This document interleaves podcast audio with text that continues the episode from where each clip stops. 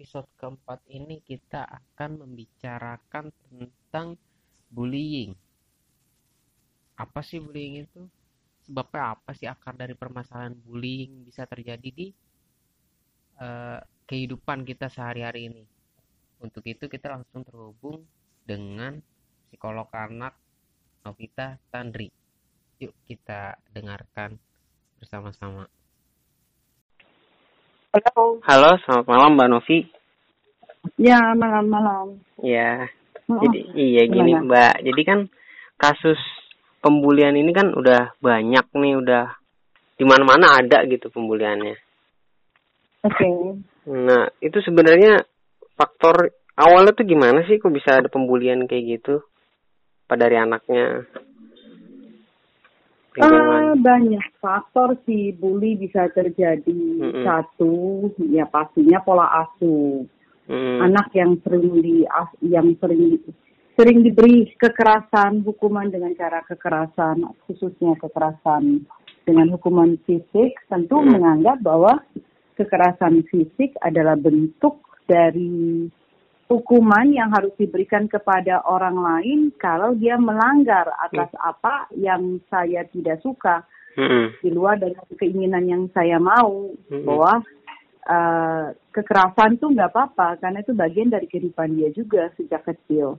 Dia melihat contoh yang dari rumah ayahnya sering kasar dengan dia mukul hmm, ibunya um, um, juga juga kasar dan keras dan ini menjadi makanan dia sehari-hari. Dia tidak merasa bahwa memukul melakukan tindakan kekerasan secara fisik adalah sesuatu yang tabu atau aneh. Hmm, biasa. Atau yang kedua anak yang tidak mendapatkan perhatian dari rumah. Jadi dengan tidak ada atensi dari rumah dia ingin mendapatkan atensi di luar rumah dan Hmm. biasanya terjadi di sekolah. Hmm, Nah, dengan bullying kan dia mendapat atensi dari teman-temannya, atensi dari guru BK, guru sekolah, kepala sekolah. Apalagi sekarang ada sosial media, kan jadi Hmm. terkenal iya.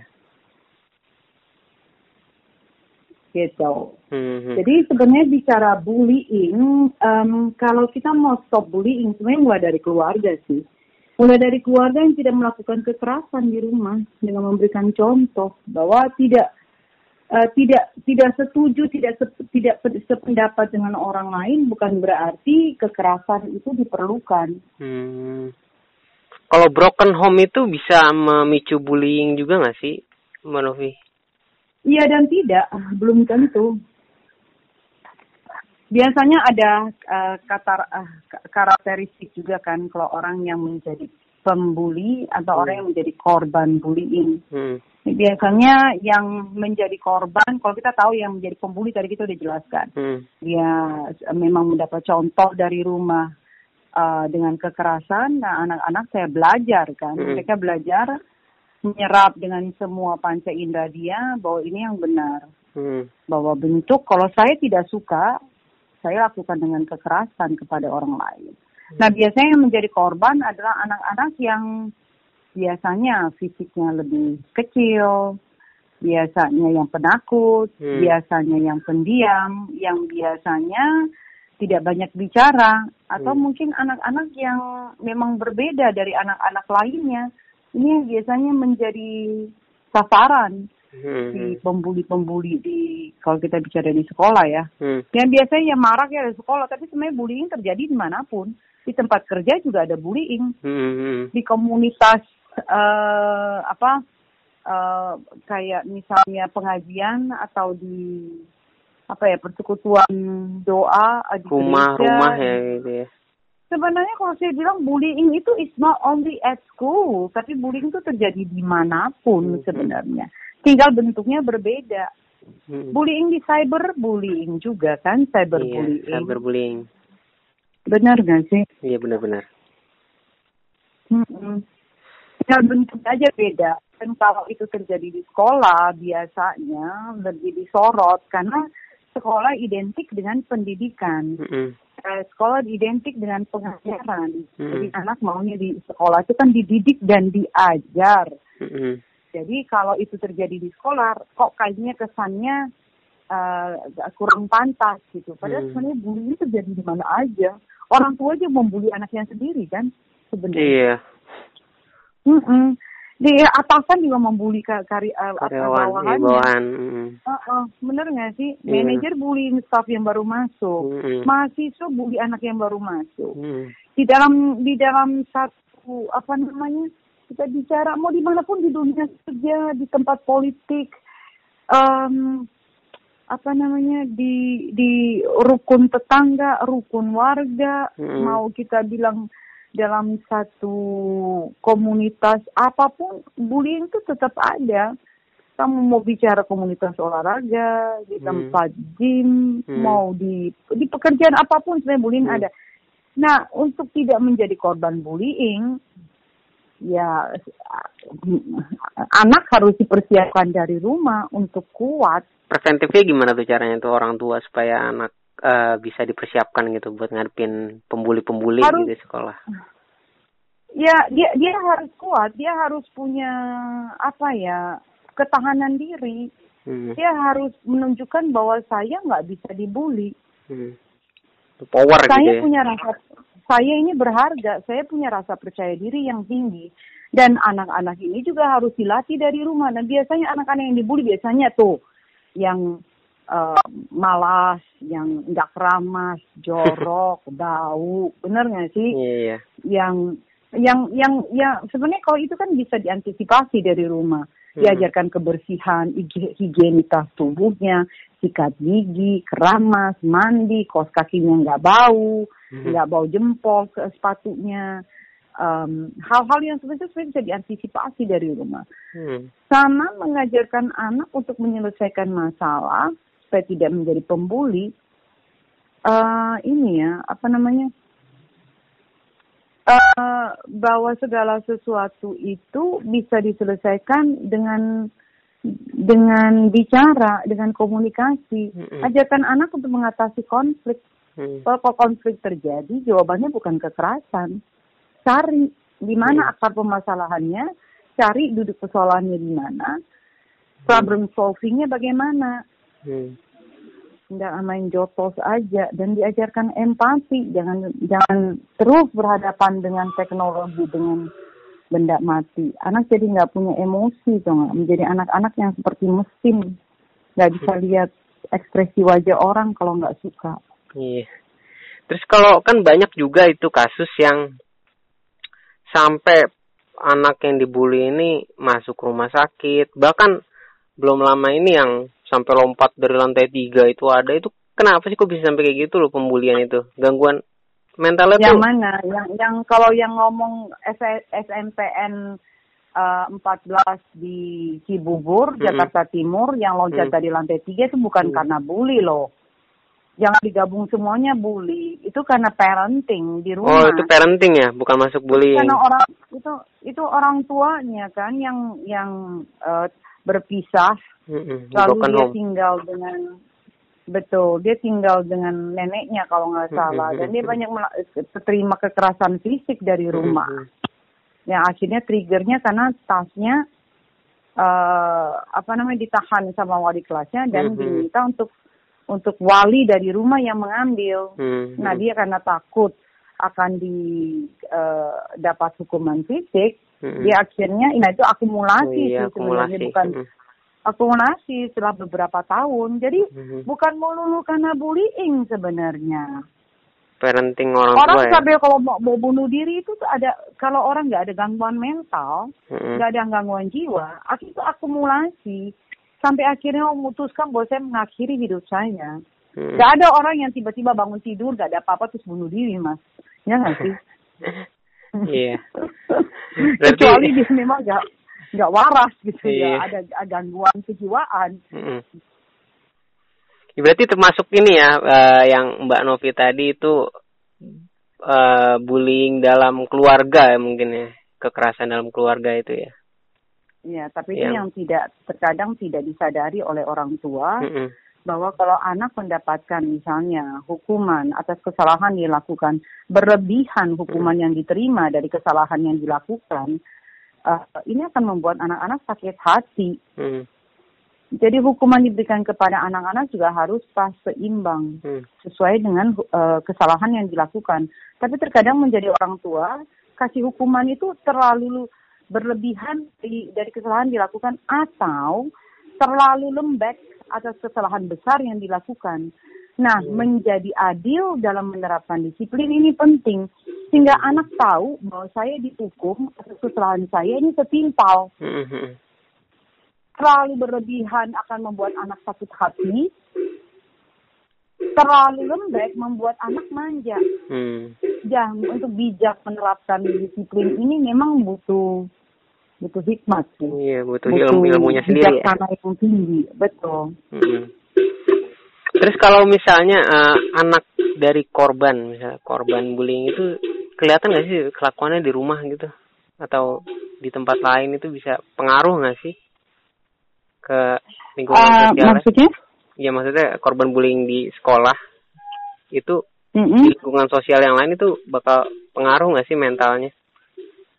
Iya pasti dong. Kalau orang yang dibully terus menerus hmm. selama bertahun-tahun, ya dia dia menjadi orang yang akan menarik diri, menjadi orang yang takut, merasa orang yang tidak berharga butuh apresiasi gitu tidak ya. berani oh, oh dia akan hmm. kelihatan bahwa dia menjadi orang yang tidak tidak berani untuk tampil takut tapi oh. ada juga yang hmm. menjadi korban bullying kalau ketemu uh, dengan lingkungan yang tepat, dengan penanganan yang tepat, justru itu menjadikan dia lebih kuat. Hmm. Tinggal siapa sih sebenarnya yang hadir pada saat dia pada saat menjadi korban. Hmm. Kalau dia ketemu orang yang tidak tepat, justru dia akan semakin terpuruk, semakin menarik diri dari dunia, menarik diri dari lingkungannya. Hmm.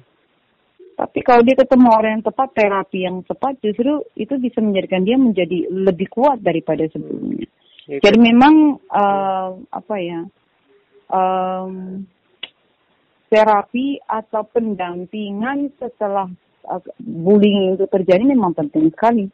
Hmm. Guru BK, psikolog, uh, atau ahlinya memang yang yang ditunjuk untuk mendampingi ini penting. Dan paling utama adalah uh, rumah. Kalau di persenin rumah. berapa persen itu? Yang rumah, guru BK gitu, pentingnya? Atau guru-guru? Penting banget. Berapa persen? 80-90 hmm. persen penting banget di rumah ya? Penting banget. Iya ya. dong support so, support dukungan itu penting sekali mas. Mas Kevin coba sekarang. Hmm. kerja apa pun.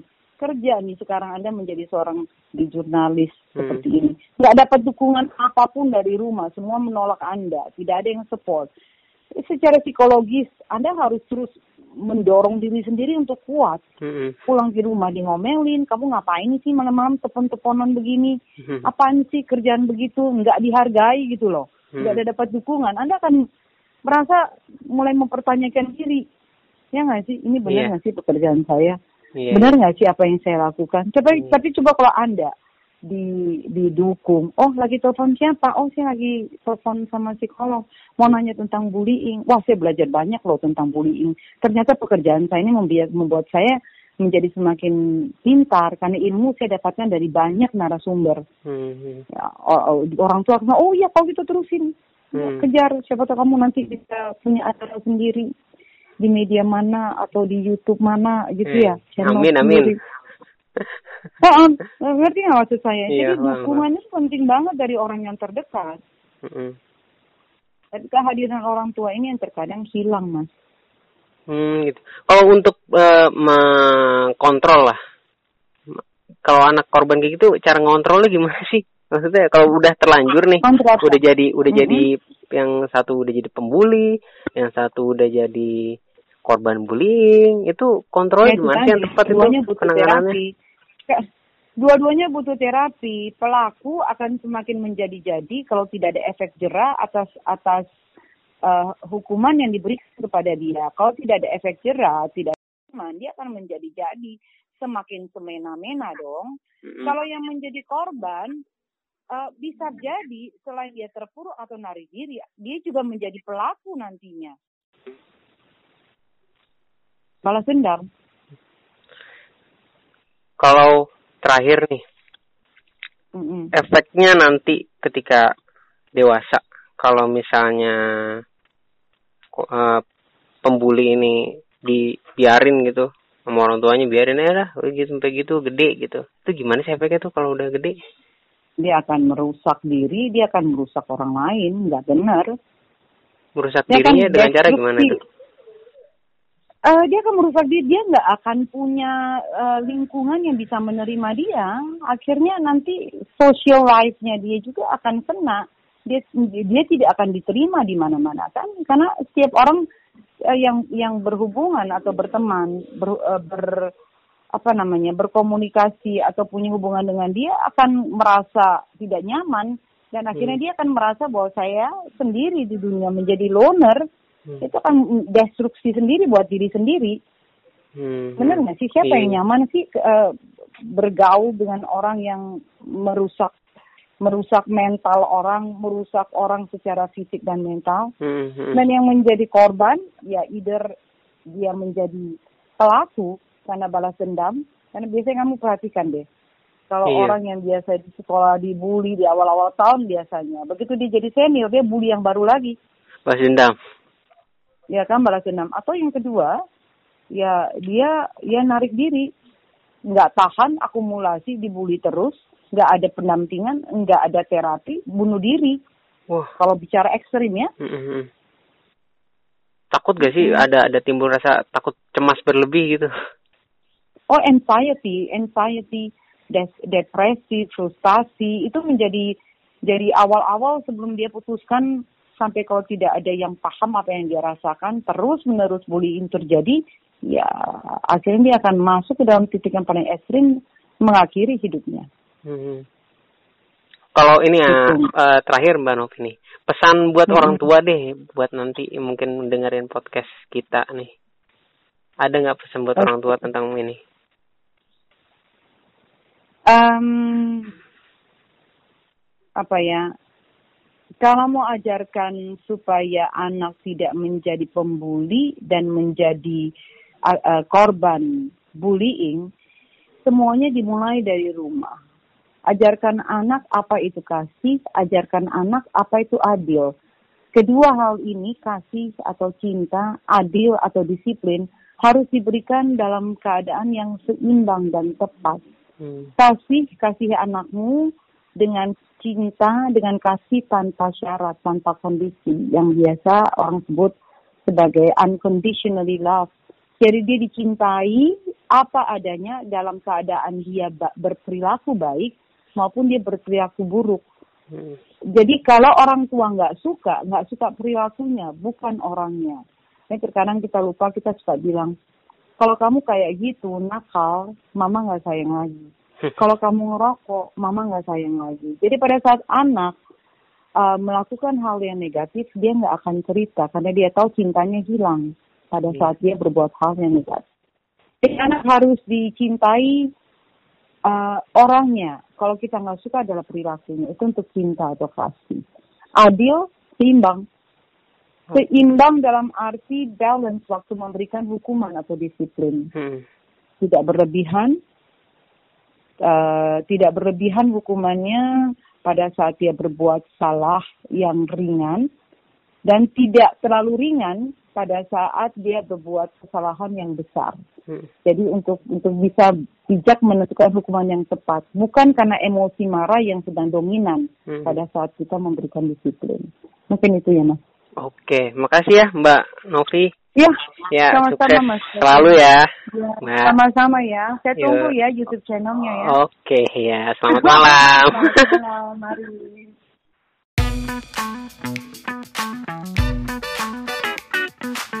Thank you.